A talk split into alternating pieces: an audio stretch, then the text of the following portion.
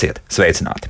Saskaņā ar civil likumu, jebkurai personai, kas ar savu darbību vai bezdarbību radījusi zaudējumus trešajām, tas ir citām personām, šie zaudējumi ir jāatlīdzina. Labi, ja ūdensvada plīsums nodara jūsu apakšējiem kaimiņam nosacīt neliels zaudējums, bet ja zaudējumi ir prāvi, ko tad? Tad draugi nav labi, bet ja rīkojamies tālredzīgāk, tad talkā varētu nākt cilvēciska apdrošināšana. Protams, tālredzīgi domājot, un par to, kā tas viss strādā, tad šodien arī raidījumā. Man studijas viesis Latvijas apdrošinātāju asociācijas prezidents Jānis Bašins. Jā, prieks atkal redzēt. Mēs diezgan regulāri tiekamies. Tā sanāk, teikt, jā, jā, jā. Un uh, šobrīd esmu sazinājies arī ar valsts ugunsdzēsības un glābšanas dienesta ugunsdrošības uzraudzības pārvaldes priekšnieku Dzintāru Lakstiņu. Dzintāru, labdien! Labdien!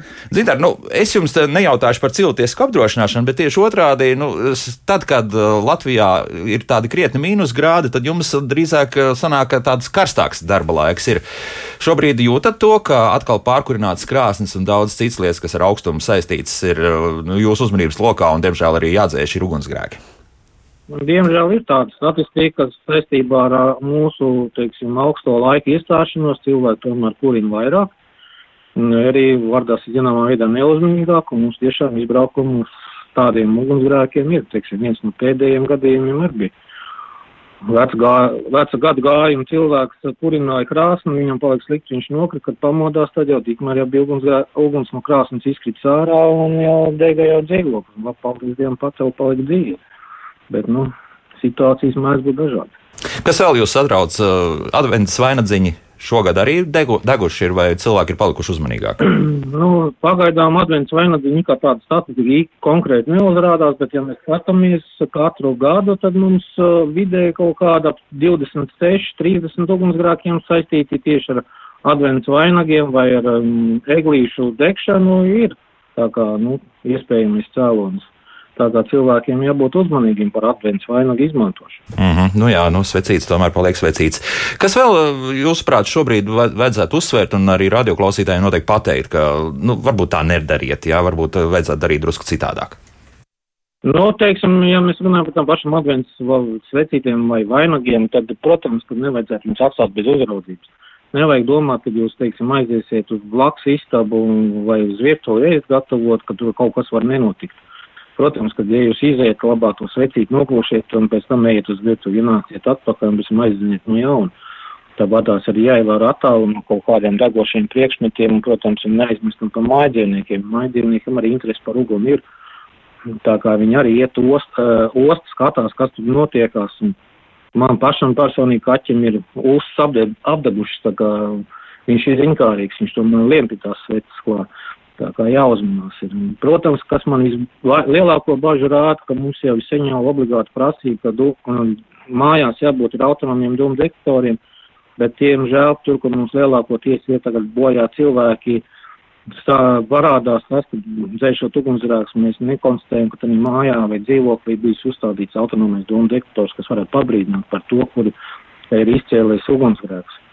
Nu, līdz ar to man atkārtot jāuzrunā cilvēks un padomājiet, es saprotu, ka tas nenovirsīs ugunsgrēku kā tādu, bet viņš vismaz jūs paziņos par to, ka jums ir ārkārtas situācija mājā. Sliktā, sliktākā gadījumā jūs atstāsiet telpas un izsauksiet ugunsdzēsiet, nu īpaši nesaglābsiet, bet, nu, vienalga sākums tad, ja jūs būsiet mājās, jūs varbūt spēsiet izdarīt paši, attiecīgi likvidēt tās briesmas, kas dzīvoklī ir, nu, bijušas. Nu, tieši tā.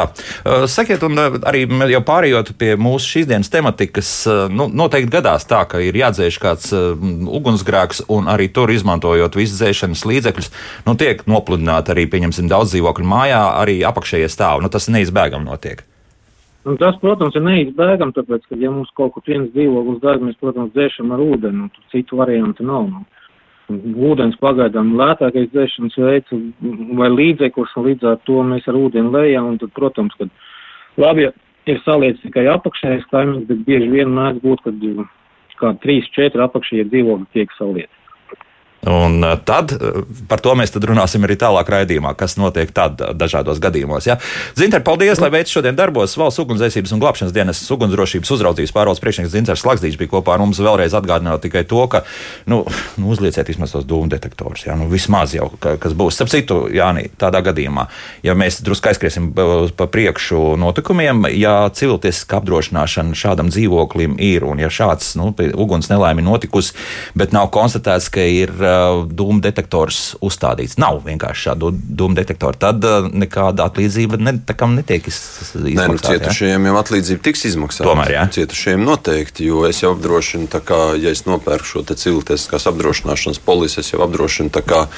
Nu, tos apkārtējos pret to, ja es savāru kaut kādas ziepes. Mm -hmm. Šeit sanāk, ka es esmu savārījis ziepes, tā kā tiem cietušajiem noteikti tiks izmaksāts atlīdzības. Regresa prasība tālāk sekos? Tas varētu būt interesants jautājums, jo Jā. tas varētu būt, teiksim, sanāk, ka es neesmu ievērojis kaut kādus normatīvos aktus un caur šo, teiksim, savārījis šīs te nepatikšanas, sagādājis nepatikšanas kaimiņiem. Tā kā es domāju, ka tur varētu būt no apdrošinātāja uz apdrošinātāju, ka tur vienāds, vienāds kaut kāds risinājums, standarta risinājums risinājums nav, bet es domāju, ka tur varētu būt um, pat varētu būt apdrošinātāji, kas aiziet regresā. Jā, jā sāk pieprasīt arī naudas summas, un tās būs diezgan lielas. Bet katrā gadījumā šādu ugunsgrēku tad ir. Jā, šie faktiski tā varētu būt um, tāda situācija veidojas. Nu, ja pieņemsim, viss ir kārtībā, tad, tad es, nu, kurš ir zināmā mērā vainīgs pie tā, ka nu, kaut kāds uguns nelaime manā mājoklī notikusi, ka apakšējā, pieņemsim, kaimiņi nopludinot, tad šeit tiek izmaksāti. Jā, jā nu, civiltiesiska atbildība priekš tam arī ir būtībā. Mm. Gadījumā, ja es kaut kā netīšām ar savu darbību, ja bezdarbību kādam nodaru kaitējumu, nu, tad attiecīgi priekš tā arī šī civiltiesiska atbildība apdrošināšana ir domāta. Tā kā šis ar ugunsgrēku būtu nu, tipiskais gadījums. Protams, ka biežāk ir nevis ugunsgrēki par laimi, bet kaut kādas plīsušas uh, trūkumas, ūdensvadi un tam līdzīgas lietas, bet uh, uguns jau ir lielā nelaime. Tā, un, un uguns, uguns parasti nodara, nodara lielu skādi, skādi, un tā notiek salīdzinoši reti. Bet visbiežāk, protams, ir ūdeņi, silti. Tieši tagad augstākā laikā. Jā, jā, tieši tā, plīsušas trubas. Jā.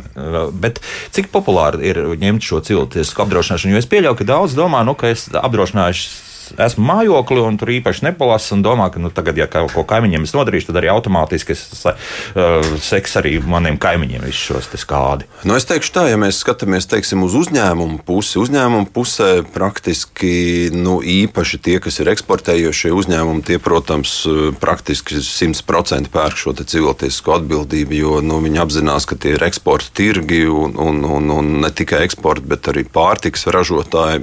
Visi viņi iegādājas šo civiltiesisko cilvēciska atbildība.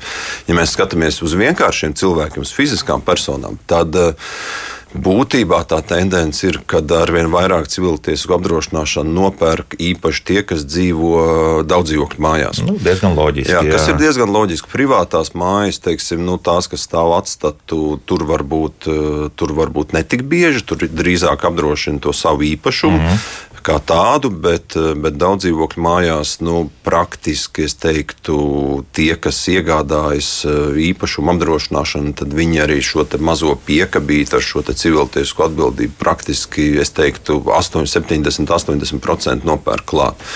Jo tā polise klasiski dārgi nemaksā cilvēki apzinās, visiem praktiski daudz dzīvokļu mājās ir bijusi kaut kāda pieredze ar, ar kaut kādu noliešanu uz augšu, uz leju, pa labi, pa kreisi. Tad cilvēki faktiski nu, tīri labi šīs polises pērk. Un tendence ir, ka eh, arvien vairāk daudz dzīvokļu namos eh, arī cilvēki pērkot īpašumu, piepērk klāt nelielu segumu ar civiltiesku atbildību. Tad nopludināšanas gadījumi ir tādi vienkārši un salīdzinoši arī šo naudu var dabūt šīs jā, atmaksas, jā, tās jā? summas nav tik lielas un, un, un tā skāde parasta nopludināšana nav tik liela. Līdz ar to nu, katram praktiski tā pieredze ir bijusi, ka kaut kur nopludina daudz dzīvokļu namos, nu, tad attiecīgi cilvēkiem arī tas skaidrojums un, un, un tā dzīves pieredze tā kā, nu, ir nu, ļoti vienkārši ir cilvēkam paskaidrot, kāpēc to cilvēku atbildību tev mm. vajadzētu nopietni. Bet man te papīros lūk, rakstīts tāds interesantāks gadījums, un stāsts ir par to, ka lūk, kāds kaimiņš iztauzīs sienā caurumu. Un šeit nu, apdrošināšanas gadījums nav iestājies. Beidzot, esot jāsauc pat policija. Tiešām tā ir. Oi, nu labs jautājums, jo gadījums tiešām interesants, jo principā jau, ja sanāk tā, ka, ja kaimiņš pie manis ielaužās manā, nu, izsis Tā ir ielaušanās, jā, nu, kā tur nu, es nezinu, to kā to juridiski, jā, tu juridiski varētu definēt, bet pēc idejas jau sanāk, ka viņš būtībā, nu, kaut vai viņš man tur, nezinu, tāpēc no sienas norauj visu to, to caurumu. Nu, skādi ir, jā. Skādi ir, tā kā manā izpratnē tas būtu gadījums, kad, kad, eh, kad man ir nodarīta kaut kāda skāda, tas noteikti. Jautājums tad ir, vai tā ir šī cilvēka, vai šim sitējam bija šī civiltiesiska atbildība apdrošināta, nebija šī civiltiesiska atbildība apdrošināta. Nu, Tas ir labs jautājums, bet, bet gadījums ir interesants. Jā, jā, gadījums ir interesants, bet tas nozīmē, ka kaut kā ir speciāli jāfiksē šādu gadījumu, acīm redzot. Nu, arī tā paša noplūšana. Jā, Tur kā, kā būtu tie pareizie soļi, lai, lai, lai droši zinātu, ka tu saņemsi? Nu, pareizais solis būtu no sākuma mēģināt uh, novērst, teiksim, nu, kas ir klasiski, ja tur kaut kas tek, tad mēģinam no sākuma novērst to, kas tur ir novēršams. Tad mēs uh, pamēģinām iemūžināt nu, kaut vai pāris bildes ar telefonu ka tas ir bijis. Un, un, un, un, eh, nu, un tad jau domājam par tālāko, vai tas ir teiksim, namu apsaimniekotājs, kas nāk un mēģina, mēģina kaut ko labot un glābt, vai arī nāk un sastāda kaut kādu aktu, ka tas ir noticis. Tas ir, protams, vislabākais, ka šis akts tiek sastādīts un, un, un, un puses spēja vienoties par to, kāda tā skāde ir bijusi, no kurienes kāds ir skādes cēlonis galu galā, jo ļoti bieži jau daudz dzīvokļu namos to skādes cēloni uzreiz nevar atrast. Un tad jau daudz dzīvokļu namos arī sākās tas, kad arī to teiksim, vaininieku tik ļoti, tas vaininieks reizēm mēdz nebūt tik skaidrs. Tur mēdz būt eh, dažādi strīdi, arī, strīdi un jā. Jā, cunduri un, un ņemšanās, kurš tad ir atbildīgs par to trubu un, un, un vai tā truba ir attiecīgi mans īpašums vai tas ir kopīpašums, kurš nav bijis labi apsaimniekotājs un bijis ir apsaimniekotāja plānos, bet apsaimniekotājs to nav realizējis. Tā kā nu, tur visādi varianti mēdz būt un, un jo skaidrāk tas akts būs eh, noformulēts, jo mazāk mazāk jautājumu pēc tam būs gan apdrošinātājiem, gan nezinu, vēl kādam citam. Tas nozīmē, ka vēl viens potenciālais klients, labs klients varētu būt kopējā mājas dzīvokļu īpašnieku biedrība, pieņemsim, kas apdrošina šādu visu māju, pieņemsim to pašu jumtu sākot, jā, nu, ja tas gadījumā sāc tecēt un tā tālāk. Tādi gadījumi ir vai? vai ir, tādi jā. gadījumi ir, jā, jo, jo nu, tur jau mēs iebrienam mazliet vai ieejam tādā īpašuma apdrošināšanas lauciņā, jo civiltiesiska atbildība būtībā ir tas, ja mēs nodaram kādam citam skādi, tad apdrošinātājs mūsu vietā tam cietušajam samaksā. Ja mēs apdrošinām jumtu vai sienas, teiksim, nu, tad tas jau ir mūsu pašu īpašums, un, un, un mēs, kā, mēs apdrošinām to īpašumu. Bet tas, teiksim, kā, kā tā tendence pēdējos laikos, pēdējos pāris 3, 4, 5 gados veidojas, ir tas, ka apdrošina gan īpašumu, gan arī teiksim, dzīvokļu īpašnieku apdrošina šo civiltiesku atbildību. Bet tas, kas pat ir pēdējos gados parādījies, ir tas, ka arī šī biedrība, kas apsaimnieko māju, vai teiksim, uzņēmums, kas apsaimnieko māju, arī teiksim, šie te apsaimniekotāji apdrošina savu civiltiesku atbildību. Jo nu, tās skādes mēdz būt piņķerīgas un mēdz būt arī dārgas. Mēs zinām, ka daži mēdz, var gadīties, ka dzīvoklis ir fantastiski remontēts un, un ļoti dārg, dārgs interjers un tam līdzīgi. Tas skādas it kā jau ūdens šeit, šo plīsu, šo trubu gadījumos tās skādes parasti nav lielas. Tur ir no, no dažiem simtiem līdz dažiem tūkstošiem. Bet, kam to daži tūkstoši jā, tomēr liela nauda. Tā, bet, eh, tas tieši tā, tas tie daži tūkstoši var būt arī daži desmit tūkstoši arī, reizēm. Tad, tad jau tā ir fantastiska nauda. Un ja man pašam, teiksim, jāsamaksā skāde lejas kaimiņam par plīsu šo nezinu, izlietnes trubu, un lejā ir salietas tur, nezinu, mega dārgi paklāja gleznas un kaut kas. Nu, būs ļoti, būs ļoti nepatīkami un ļoti ilgi un dārgi jāmaksā. Un, kā, tā ir liela tiesāšanās jā, arī iespējams. Arī. Iespējams, jā. Nu, un vēl, protams, arī skatoties, kas šobrīd ārā notiek, daudz sniega, tad arī mašīnas apakšā un arī cilvēkiem gal galā nu, tomēr nodarītās kāda krītošais sniegs no mājas jumta. Tas, jā? tas ir klasisks stāsts, jā, jā. kad uh, nav notīrīts jumts vai attiecīgi veidojās lāste, kas mēs kā nama īpašnieki vai kā dzīvokļu īpašnieki, mājas īpašnieki esam atbildīgi atbildīgi par to, teiksim, kāds mūsu namīpašums ir. Un vai tas ir sākot no, no nenotīrīta trotuāra, kad cilvēki iet un lauž rokas kājas un, un, un krītošas lāstekas no jumtiem, nu, mēs par to esam atbildīgi. Un, un būtībā jau tā tā pamatbūtība ir ļoti, tā, ļoti vienkārša, ka cilvēki mēs pēdējos gadu desmitos esam apzinājušies, ka mums ir tiesības paprasīt. Teiksim. Tāpēc, ja ieejot veikalos, pat ir teiksim, ja ir slidena grīda, mēs redzam citreiz tādus trīs uzrakstīņus, jā, ka uzmanība slidena grīda. Jo, nu, tur arī tiek laustas rokas, kājas, un, un tas pats attiecās tieši uz mūsu namīpašumu. Ja mēs savu namīpašumu priekšā nesam sakārtojuši ietvi, krīt lāstekas uz mašīnām vai cilvēkiem, cilvēki māk paprasīt un tās kādas, tās summas, ko cilvēki prasa, neiet mazumā. Tās summas ar katru gadu iet vairumā. Loģiski, jā, jā. Bet tas nozīmē, ka lēns novilkšana te neko daudz nemainīs. Jā, no, tā, es druskuļi novirsos nu, no temata. Bet... Lēns novir, no, novilkšana īslaicīgi noteikti kaut ko palīdz, palīdzēs, bet, bet ja pa nakti iet garām jauniešu bariņš, kurš to lenti norauj nost, tad nāk, tad, tad, nu, tad pierādi, nu, jā, pierādi, nu, un jā. vainīgi būsiet jūs, ka jūs kā nama saimnieki nesat notīrījuši savu vietu. Mm -hmm. nu, bet uh, Igors ir skeptisks. Viņš saka, nestāstiet, ka ir citādāk. Vienmēr atradīs līgumā punktu ar maziem burtiem rakstīt, ka tur nekas kaut kas nav atzīmēts, ieliks kāds ķeksīts vai kas cits. Nu, vienmēr apdrošinātājs būs uzvarētājs. Tas taču ir bizness. Tas, tas, ir, tas ir bizness, jā, bet ja mēs skatāmies teiksim, kaut vai uz tiem cipariem, tad katru gadu civiltieskās atbildības jomā tās atlīdzības tie nav pāris miljoni, tie, tie ir pāris desmit miljoni. Teiksim, tās tiek atlīdzības izmaksāts, jā? Jā, tiek izmaksātas, un tās atlīdzības ar katru gadu aug. Un, un skaidrs, ka ir jāpalasa līdzi, lai, lai, lai nebūtu tā, ka nopērkat kaķi maisā vai apdrošinātājs pārdot kaķi maisā. Jāpaskatās tiešām tie, tie mazie burti, jāpaskatās tie pareizie ķekši un, un, un jāpadomā līdzi, bet, bet nu, teikt, ka apdrošinātāji tirgotu pliku tīru gaisu un, un, un, un tās atlīdzības nemaksāt. Ja? Nu, tā nevar, tā nevar, jo tie laiki sen ir beigušies, tādi laiki gandrīz nekad nav bijuši bijuši. Tad jau, ja, ja tā apdrošināšana nestrādā, tad jau cilvēki to apdrošināšanu arī nepirkt. Mm. Bet Igoram ir taisnība tādā ziņā, ka vajag palasīt, vajag papētīt. Ir tagad pēdējos gados likumdošanā ieviests, ieviest tāda norma, ka katram apdrošināšanas produktam, katram apdrošinātājam jābūt īsajam aprakstam uz vienas vai divām A4 tādam produkta dokumentam. Izlasām kaut vai to un paskatāmies, jo tur būs tādā produkta aprakstā, tādā dokumentā būs tāds nu, īsā esence par šo apdrošināšanu. Tad nevajadzēs lasīt tās desmit lapus ar to nelielo šriftu, bet tur uz tām divām A4 būs tā esence uzlikta. Un, un ja to mēs kaut vai izlasīsim, paskatīsimies, jau būs daudz. Kā, protams, ka arī civiltieskās apdrošināšanas polisēm tas segums var būt no, no šaura un neliela līdz ļoti plašam.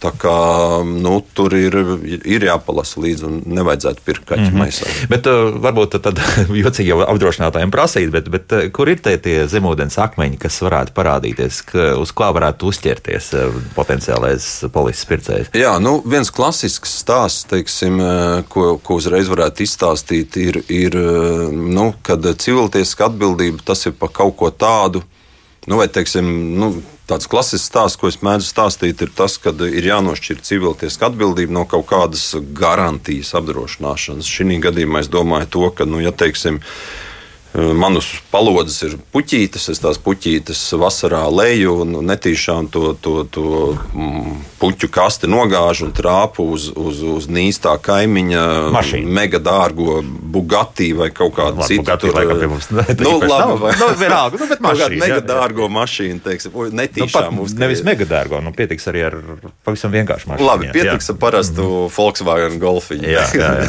Trāpa pa mašīnu, tā, tās puķu kaste, nu tas tad mana civiltiesiska atbildība nostrādās. Teiksim, šī apdrošināšana strādā. Jā. Ja es pats to ieraugu, kad o, akal tas nīstais kaimiņš ar savu golfiņu ir nostājies ne tur, kur man patīk, un paņem to savu puķu podu un vienkārši nomet, speciāli uzmet. Speciāli uzmet nu, tad tā civiltiesiska atbildība nestrādās. O, kā tad to var pateikt, kurā Tas brīdī? ir ļoti, ļoti labs jautājums. ja Jā. tur ir kaimiņu pagalmā bijusi kamera, kas to nofilmē, nu, tad to varēs sāks pierādīt. cits nepatikšanas. Jā, saprotu, bet jā, tas ir cits nepatikšanas. bojājumi un Tieši tā, tā, jā. trešās personas mantas bojāšana. Tā kā Šis ir tāds nu, klasisks stāsts no, par ļaunprātīgu rīcību pret attiecīgi netīšām nogāztu, teiksim, puķu kastu. Tad tādas lietas notiek bieži, saprotu. Ja, ja tā Nu, ir. es neteiktu, ka bieži, bet tādas lietas, tādas lietas notiek. Mm -hmm. Bet eh, tas, kas ir teiksim, biežāk notiek, ir, ir tīri nu, šīs te.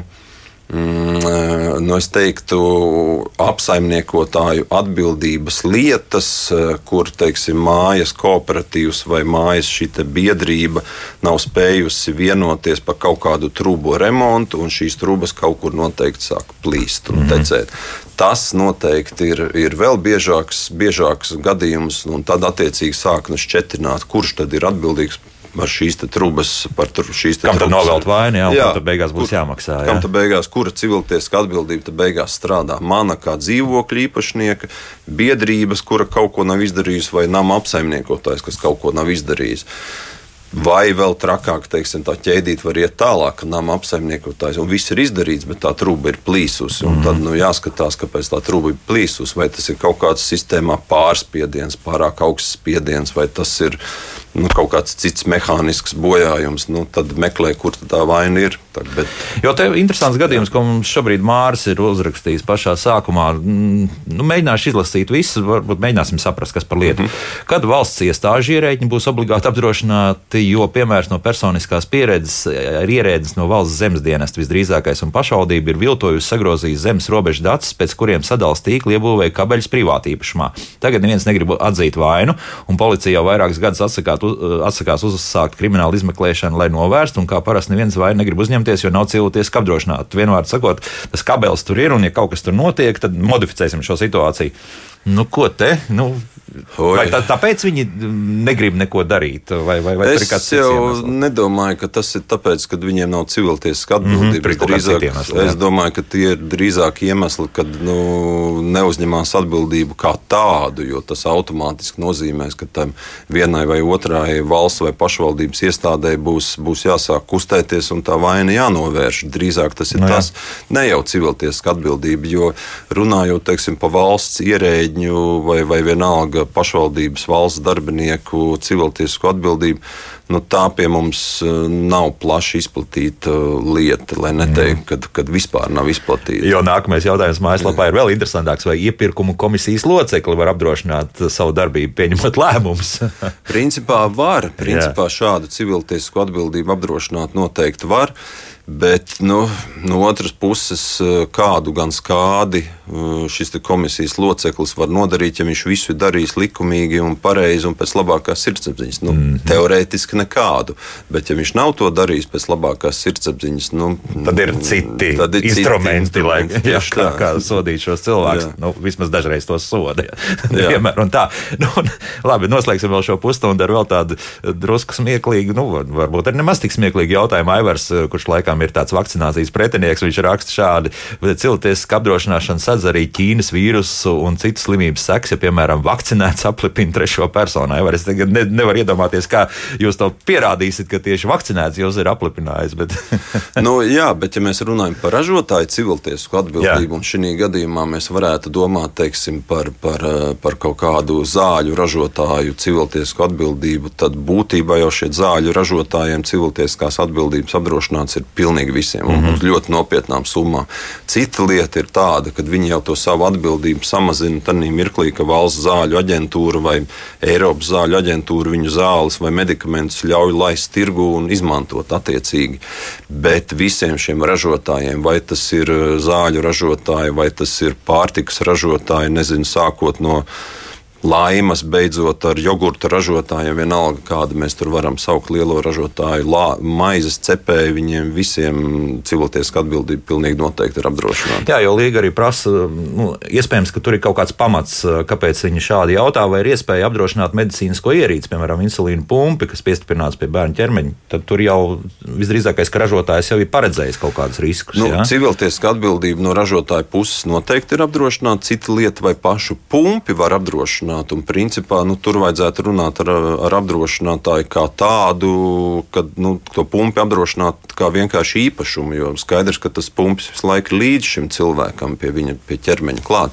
Tā kā tur apdrošinot teiksim, mājas nekustamo īpašumu, tad arī vajag parunāt ar apdrošinātāju, lai nāk līdz šī piekabīte nelielāka, kad, kad kaut kādu daļu no tā kopējā īpašuma drīkst aiznest līdzi, nu, piemēram, iznest ārpus noteiktās adreses, piemēram, šis insulīna pumpis vai nezinu, portatīvais dators vai kaut vai kas cits. Tāds, jā, jā. Nu, jā, tur īpašas atšķirības nav. Nu, Izņemot to, ka tas attiecas uz cilvēku veselību, un viens ir uz mūsu darbu vai kā citādi skolēm un tā tālāk. Jānis Bašins šeit studijā pēc mūzikas turpināsim, piezvanīsim arī uz policiju, pajautāsim, kas viņiem šobrīd svarīgs un ko noteikti vajadzētu radioklausītājiem pateikt, bet tas pēc pāris minūtēm. Kā labāk dzīvot? Šeit mēs runājam par cilvēcisko apdrošināšanu, nevis par obligāto cilvēcisko apdrošināšanu, ko pārsvarā visi zina, ka tam ir kāds transporta līdzeklis, kas obligāti ir jāapdrošina. Par to arī starp citu jautājums, vai šo kategoriju nevajadzētu palielināt, bet to vēlāk. Jo šobrīd šeit studijā joprojām ir Latvijas apdrošinātāju asociācijas prezidents Jānis Bašins, bet mēs esam sazinājušies ar valsts policijas Rīgas Latgales iecirkņu priekšnieku Sergeju Galilējevu. Sergej, labdien! Sveicināti. Sergei, mēs pašā raidījuma sākumā izskatījām tādu vienu dīvainu gadījumu, kur esot apdrošinātājs teicis, ka bijis esot jāsauc policija. Proti, divi dzīvokļi blakus, un nu, kaimiņš izdauzīs sienā caurumu. Vai tiešām ir jāgriež pie jums šādos gadījumos? Un vai vispār jūs braucat un kaut kā reaģējat uz šādām situācijām? Uh, nu, atbildot uz jūsu jautājumu, vēlos informēt, ka uh, jebkurš, jebkurš iesniegums, jebkurš telefoniskais paziņojums par iespējamu notikušu noziedzīgu nodarījumu vai kādu citu notikumu, viņš tiek reģistrēts.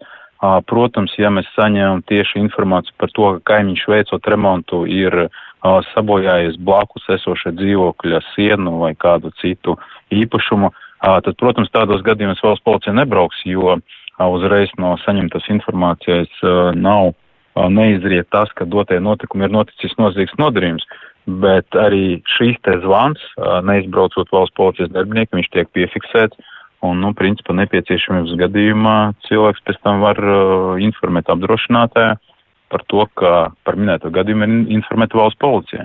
Mm -hmm. Bet uh, kopumā tādi gadījumi jums ir, ka ir to jārēģē, bet vai tikai tajā brīdī, ka tiešām šis noziedzīgais nodarījums nu, varētu tikt konstatēts? Situācija, situācija ir tāda, ka, protams, valsts policija rēģē tikai uz noziedzīgiem, no, no, noziedzīgiem nodarījumiem, uh, bet principā, ja kāds mūs informē par šo te bojāšanu, uh, mēdz būt gadījumi, kad telef telefoniski cilvēks nemāk izskaidrot, kas ir noticis, un tāpēc ekipāža izbrauc uz šo izsaukumu, lai tiešām konstatētu, vai tur nav notici, notikusi ļaunprātīga mantas bojāšana.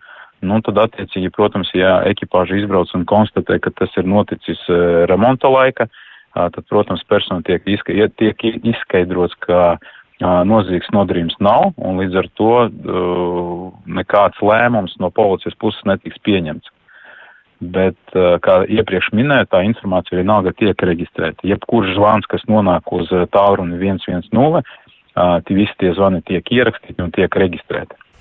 Sakiet, vai ir vērts vienkārši piezvanīt?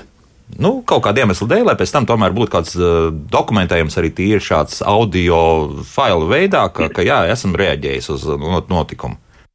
Teikšu jums godīgi, ka, protams, ir vērts piezvanīt, bet, ja mēs skatāmies tieši mūsu iecirknī, uh, gada griezumā es jums teikšu, ka šie šādi zvani nebija reģistrēti. Lielākoties mums tiek reģistrēti zvani par notikušiem notikumiem, kas nav noziedzīgi nodarījumi. Tas ir pēc vēja brāzmam, kad uz transporta līdzekļiem sakrit kaut kādi tur koki, varbūt zari, varbūt seguma, jumta seguma kaut kādas daļas. Šādi gadījumi, jā, mums ir reģistrēti. Un tādos gadījumos mēs šo informāciju reģistrējam, un arī pēc tam mums apdrošinātāji pieprasa, vai šīs te cietušais, potenciālais cietušais ir vērsies iesniegumu un ziņos par šo notikumu. Mm -hmm. Un jums ir viens no lielākajiem noteikti iecirkņiem vispār kopumā valstī, vai ne? O, iespējams. Iespējams, iespējams jā, nu tā varētu būt. Sergei, skaidrs, to mēs esam izrunājuši, bet varbūt vēl kaut kādi ieteikumi gada nogalē no jūsu puses, ko jums jau tāda pieredze uzkrājusies, nu, ko valsts policijas puses tāda ieteikumi mūsu radioklausītājiem, ko vajadzētu ievērot nu, no drošības ziņā? Ieteikums no drošības ziņa, protams, neatkarīgi, jo īpašums ir apdrošināts vai nav apdrošināts, protams, ir lūgums, liels lūgums visiem iedzīvotājiem tomēr būt uzmanīgiem pret savu īpašumu un neatstāt kaut kur lielākoties mums sagādā šīs te raizes gadījumi, kad personas transporta līdzekļus atstāja vērtīgas mantas. Un, protams, ka nu, neskatoties uz mūsu ekipāžu, ka, kas tagad nav maz, uh, nakts laikos ir bieži vien notiek zādzības, arī notiek zādzības no īpašumiem. Uh, līdz ar to, protams, uh, liels lūgums iedzīvotājiem. Uzmanīt savus automašīnas būt, vairāk. Būt tieši tā, gan automašīnas, gan dzīvokļus ne, ne, neatstāt mantas, neatstāt atvērtus logus, neaizmirst aizslēgt durvis, ja ir iespēja, tad, ja ir tādi aprīkoti ar signalizāciju, obligāti ir ieslēgt signalizāciju. Nu, un tad attiecīgi arī, ja ir uh, uzturēt kontaktus ar kaimiņiem, tad, ja aizbrauc uz kādu ilgāku laiku, protams, lai kaimiņš pieskata šo īpašumu, nu, tad, protams, visos aizdomīgos gadījumos vai nu pie īpašuma vai pie transporta līdzekļa, ja kāds vai no kaimiņiem vai no arī no iedzīvotājiem pamana aizdomīgas personas, protams, uzreiz ziņot valsts policija 110. Un tad jau attiecīgi mēs rēģēsim un pārbaudīsim šo informāciju. Mm, nu, vismaz Rīgā tad uh, patruļu mašīna pietiks, ja piebrauks un vismaz pabiedēs uh, šos potenciālos. Ziniet, jā, ziniet, jā, ir ļoti, ļoti daudz gadījumu, kad uh, tieši šie tie zvani par aizdomīgam personam pēc tam uh, nes mums pozitīvo, uh, pozitīvu atklāšanu. Ir gadījumi, kad vienkārši personas pazina un pasaka, ka rekur pie transporta līdzekļa aizdomīga persona, ierodoties notikuma vieta, protams, tā persona tiek konstatēta, tiek aizturēta. Uh, un jau pēc tam strādājot ar šo personu ir gadījumi, kad uh, tiek atklāti noziedzīgi nodarījumi tieši, kas saistīti ar uh, zādzībām no uh, transporta līdzekļiem no dzīvokļiem. Nu, lūk, tā. Valsts policijas Rīgas Latvijas iecirkņa priekšnieks Sergejs Galilejevs bija kopā ar mums. Sergej, es jums novēlēšu pēc iespējas mazāk darba šodien. tas, tas, tas vislabākais vēlējums ir šai pro, profesijai. Paldies. Jā, mm, vislabu, laimīgi. Nu, un vēl uzreiz paklausīsimies arī kādu klausītāju, kas ilgāk laika mūs gaidīs. Lūdzu, jūs varat jautāt? Halo? Halo? Būs, nebūs? Laikam nebūs. Nu, tad turpinām, turpinām mūsu sarunu. Nu, labi, vēl paņemšu ātri, vēl viens klausītājs mums rindā gaida. Halo, lūdzu! Sveicināti! Sveicināti. E, jautājums tāds. Māja ir pabeigta celt 1912. gadā, un viņu nekur neapdrošina. Tā, jā. Daudzstāv māja, trīsstāv māja, nekur nevienā apdrošināšanas biedrībā pasaka sveiki, vecs māja, goodbye, auf Wiedersehen. Negribu, jā, to visu darīt. Jā, labi, paldies, jā. Nu, jā, neko. Nu, es teiktu tā, ka, eh, protams, viss ir atkarīgs no tā, vai tā māja ir labi un kārtīgi uzturēta. Jo, nu, ja teiks, pēc visa varētu būt problēmas. Jā, jā, jā, jo ja tā māja ir labi un kārtīgi uzturēta, taču jebkurš apdrošinātājs to, to māju apdrošinās. Un šī gadījumā nu, tas nav atkarīgs no mājas vecuma, tas ir vairāk atkarīgs no tā, kā māja stāvokļa, ir uzturēta, jā. no stāvokļa. Jā. Jo mums taču ir ļoti daudz vecas mājas, pilis un mūžas, kuras, kuras, kur, kuras tiek apdrošinātas nodrošināts un nekāda problēma nav. Šī gadījumā es domāju, teiksim, ja tā ir.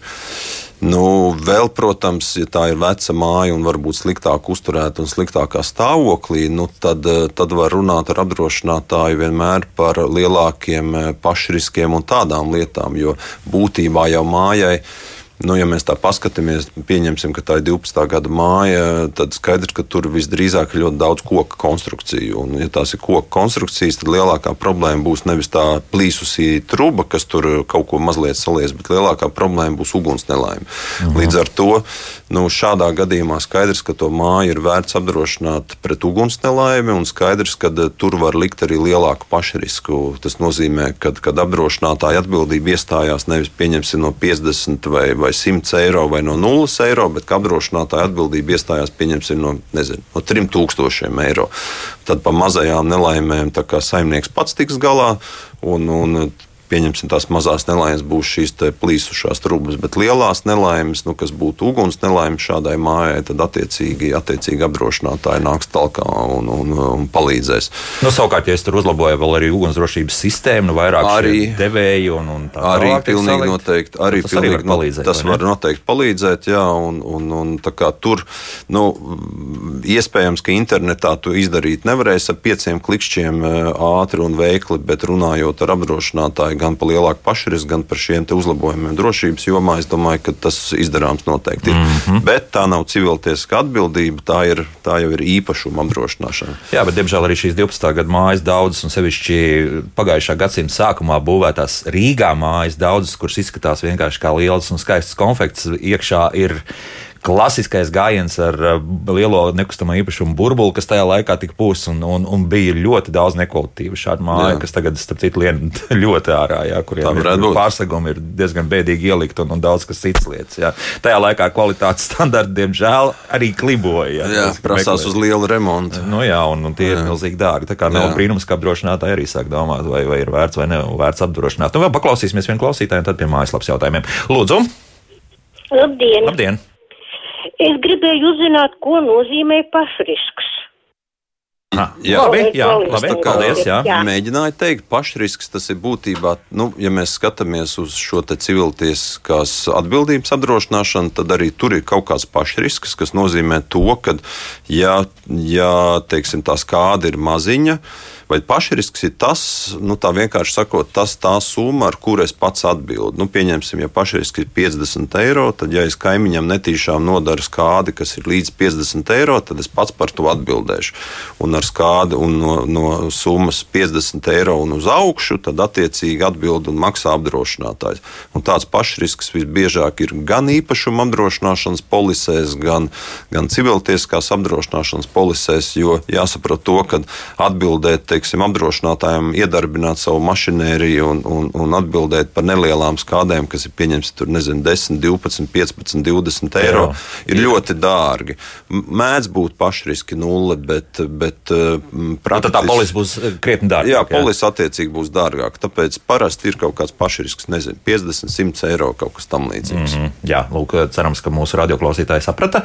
Nu, labi, vēl vienu klausītāju paklausīsimies, tad tomēr tie mājaslapas jautājumi. Lūdzu, Halo, Elvi, labrīt! labrīt! Ļoti labs raidījums, paldies, bet nelietojiet latviešu valodā trūba. Latviešu valodā Labi, ir jā. cauruli, metāli vai mm -hmm. koka ar Sapratām, cauruli. jā, paldies. Jā, nē, tad Vainīgs. vainīgs jā, aizmirsīsim par, par šo krievu vārdu un lietosim tiešām caurules un tādas lietas. Tā, um, jautāšu uh, Jānim kādu jautājumu no mājaslapas. Um, Juris jautā, vai varat pateikt pēc riska skalas, kuriem dzīvokļu īpašniekiem 100% būtu jāapdrošina savus dzīvokļus, jo māja ir ja māja ir piecstāvā, vai pareizi saprat, ka, ka piektā stāva dzīvokļa īpašniekam ir vislielākais iestāšanās apdrošināšanas gadījums nekā pirmā stāva īpašniekam? Nu, ja mēs runājam par civiltiesisku atbildību, tad es drīzāk teiktu, ka lielākais risks nevis ir, nevis ir tam, kas dzīvo varbūt tur piektajā stāvā, piecstāvā mājā, bet es teiktu drīzāk, ka lielākais risks varētu būt tam, kas pa vidu dzīvo. Jo, Jo? jo tur, teiksim, ja ir kaut kāda skāde, tad tā skāde ir tā uz visām pusēm. Pieņemsim, ja viņam ir dzīvoklī rodas uguns nelaime, nu, ugunsgrēks, nu, tad attiecīgi tā skāde būs mazliet varbūt uz visām pusēm. Mm -hmm. Bet, ja tu dzīvo piektajā stāvā, tad tev tā skāde ir tikai uz leju. Bet, nu, nezinu, ja godīgi. Ja godīgi nezinu, kur tas risks ir vislielākais. Vismazākais risks varbūt ir pirmajā stāvā. Nu jā, tas- tas gan, tas, jā. tas gan, jā, bet, bet vai tas ir piektais stāvs vai pa vidu? Ja nu vienīgi tev apakšā nav vēl kādas mazi mm, kambarīši, kurā glabājas daudz vērtīgu ievārījumu, kurus, arī var nopludināt pie sarūsēs vāciņu. un Tad, Jā, vai teiksim, zem tevis, at, zem tava dzīvokļa atrodas mājas siltummezgls, kas Aha, ir jā. jā. dārga ietais ar mūsdienīgām elektronikām un tam līdzīgi remontēts siltummezgls. Nu, tad tur mm, varētu būt diezgan dārgi, ja kāds ziepes sanāk uz leju. Tāpēc drīzāk tas uz būs, jo, jo jā. augstāk, jo, jo tomēr tas risks palielināsies. Tā Nu, varētu jā, būt, nu, Jā, jā. jā, jā. Tā, Mārcis mums uzdod tādu interesantu jautājumu. Vai iespējams fiziskai personai veicot kurjera pakalpojumus apdrošināt savu risku?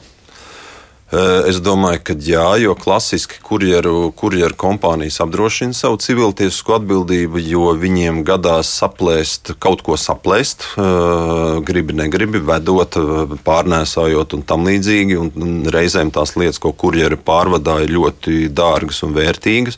Tā kā kurjeru kompānijas pilnīgi noteikti apdrošina savu civiltiesisko nu, ka tu tā strādā kā individuālais Jā, bet arī kā, ja es kā fiziska persona to daru. Es domāju, ka mana civiltiesiskā atbildība arī tādu ir iespējams apdrošināt. Arī visdrīzāk tas nebūs trīs klikšķi internetā, bet tas būs eh, jāparunā ar apdrošinātāju, jo tas jau būs nu, kaut kas jau tā kā es kā fiziska persona daru kaut kādu profesionālo darbu. Tā kā, Jā, principā, jau es- interesanti, tas valsts un valsts pieņemsim. Tur jau tie darba, tie tiesiskās attiecības tādas. Liekas, stipri dīvains. Tur, tur pat darba līguma nav. Viņi kaut kā tur, tur, tur strādā. Tad, Es pat nezinu, jā, jo tur jāskatās, kādi ir tie darba līgumi kādas ir šīs civiltiesiskās attiecības Jā. starp starp to nosacīto darba devēju un nosacīto darba ņēmēju. jo taksistiem viss ir skaidrs. Tur ir otsta, kas strādā un tur, Nu, jā, tur tur, jātiek. tur bez variantiem. Jā. Jā. Bet, bet šī gadījumā ļoti interesants jautājums. Bet katrā ziņā, ja es kā fiziska persona daru kaut kādu darbu vai, vai kaut ko daru, pilnīgi noteikti man, man, es, es varu apdrošināt savu civiltiesku atbildību. Jā. Mhm. Vai cilvēcisko atbildību var atteikt, ja ir plīsumi vecā veļas mašīnā, 20 gadus veca veļas mašīna? Tā ir viens mums jautājums. Es teiktu, ka cietušajiem pilnīgi noteikti nē, jo, jo galu galā tie, kas ir cietuši, tā jau nav mana vaina, ka jums tur stāv augstāk virs manīm. Tā veļas mašīnai ir 20 gadi, tā kā cietušie savu atlīdzību pilnīgi noteikti saņems no tās plīsušās veļas mašīnas, eh, bet arī tur es neredzu kaut, kādu, kaut kādas tiesības apdrošinātājiem iet regresā pret šīs te civil eh, veļas mašīnas īpašnieku, jo veļas mašīna 20 gadi ir strādājusi. eh, Un neba jau tā, ka apdrošinātājs ies regresā, tikko veļas mašīnai būtu tiesības iet regresā, ja veļas mašīnai tikko ir beigusies garantija. Taču nē. Mm -hmm. Tā kā mm, es šeit nekādas problēmas neredzu nevienā pusē. Nevienā pusē, ne, jā, Ne nevienā cietušajiem, ne izraisītājiem. Jā, tā, nu, paklausīsimies vēl vienu klausītāju. Lūdzu, Labrīt! labrīt. Piedodiet, vai par eh, obligāto civiltisko, civiltiesisko drīkst uzdot Nu, jautājumu? uzdodiet, jā. Eh, eh, Jautājums ir tāds, piemēram, es visu mūžu esmu strādājis par tālbraucēju šoferi. Un mani, mani, cik es esmu bijis kārtīgs vai nekārtīgs, mani, mani gali ir, kā saka, um, CSDD direkcijā. Nu, lūk, un tiklīdz es mūžīgi nogalē nopērku sev automobīlīti, ja, man sākas no, no bonus malas pirmās No pašas pirmās klases. Jā, domu sapratām, jā. Kaut, kaut, kaut, kaut, Nav pareizi. Jā, paldies. Es, es norāvu, bet, bet doma mums ir skaidra. Nu, tā ir šī problēma. Jā, tā ir problēma. Tā, tam var piekrist, jo cilvēkam nav bijis savs transporta līdzeklis ilgus gadus, un tā viņa vēsture mums būtībā datubāzēs nav redzama. Balta lapa vienmēr. Balta lapa, jā. Tas, ko mēs redzam, ir, ka cilvēks varbūt ir strādājis uzņēmumā X, un mēs redzam šī uzņēmuma X vēsturi, bet paša cilvēka Jāņa Pētera vai, vai, vai vienalga Annas vēsturi mēs neredzam. Tad cilvēks sāk attiecīgi, nu, kā balta lapa ar šo te sākuma klasi. Nu, principā vajadzēja kaut kādu mazu, mazu mašīnīti turēt uz savu vārdu. Jā, katru gadu maksāt šo octu, nu, Nu, kaut kur pabraukāt tas- un, un būt šobrīd jums 16. bonus malā. Jā, nu, tas ir viens variants, protams, bet nu, viss ir atkarīgs no konkrētā cilvēka, no konkrētām iespējām. Nu, tas gan, tas jā. gan, jā, tāda lieta ir. Uh, vēl, ja mēs par octu runājam, valde mums jautā, vai tad velosipēdistiem un skūteristiem nevajadzētu octu tieši jā, obligāti. Nu, tur tas ir ļoti interesanti, jo, ja mēs skatāmies teiksim, uz velosipēdistiem, tad ir velosipēdisti, kuri savu civiltiesku apdrošināšanu vai kuri sevi, sevi civiltiesiski apdrošina. Viņi nepērk šo te octu, bet viņi nopērk šo te brīvprātīgo apdro- apdrošināšanu. Piemēram, velokurjeru uzņēmumi, jo viņi atkal apzinās savu atbildību gan par mantām, ko viņi pārvadā, gan attiecīgi arī par, par, par ceļu satiksmes negadījumiem vai nodarītajām, nodarītajiem, nezinu, gājējiem, nodarītajiem kaut kādiem jā, sliktumiem. Tā kā ir cilvēki un velosipēdisti, kuri pilnīgi droši, kuri savu civiltiesisko atbildību apdrošina, ir skūteru īres kompānijas, kuri arī apdrošina savu civiltiesisko atbildību. Un, un, un, nu, tā ir viena, viena, viena lieta, par ko būs jādomā pilnīgi noteikti, jo šie jaunie pārvietošanās līdzekļi, nu, ir ienākuši uz palikšanu, viņi mazāk noteikti nepaliks, un, un, un tās skādes, ko viņi katru gadu nodara, ar, ir ar katru, nu, ar pieaugušu tendenci, kā, ar katru gadu ar vien vairāk.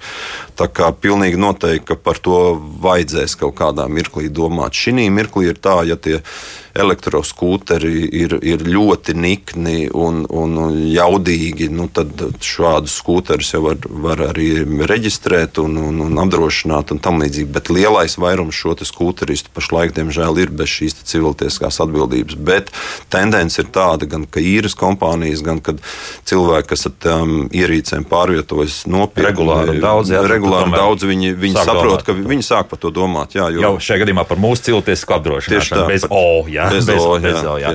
Un uh, vēl pāris jautājumu. Nu, zvanīt mums arī zvan, bet nu, laika galīgi vairs nav.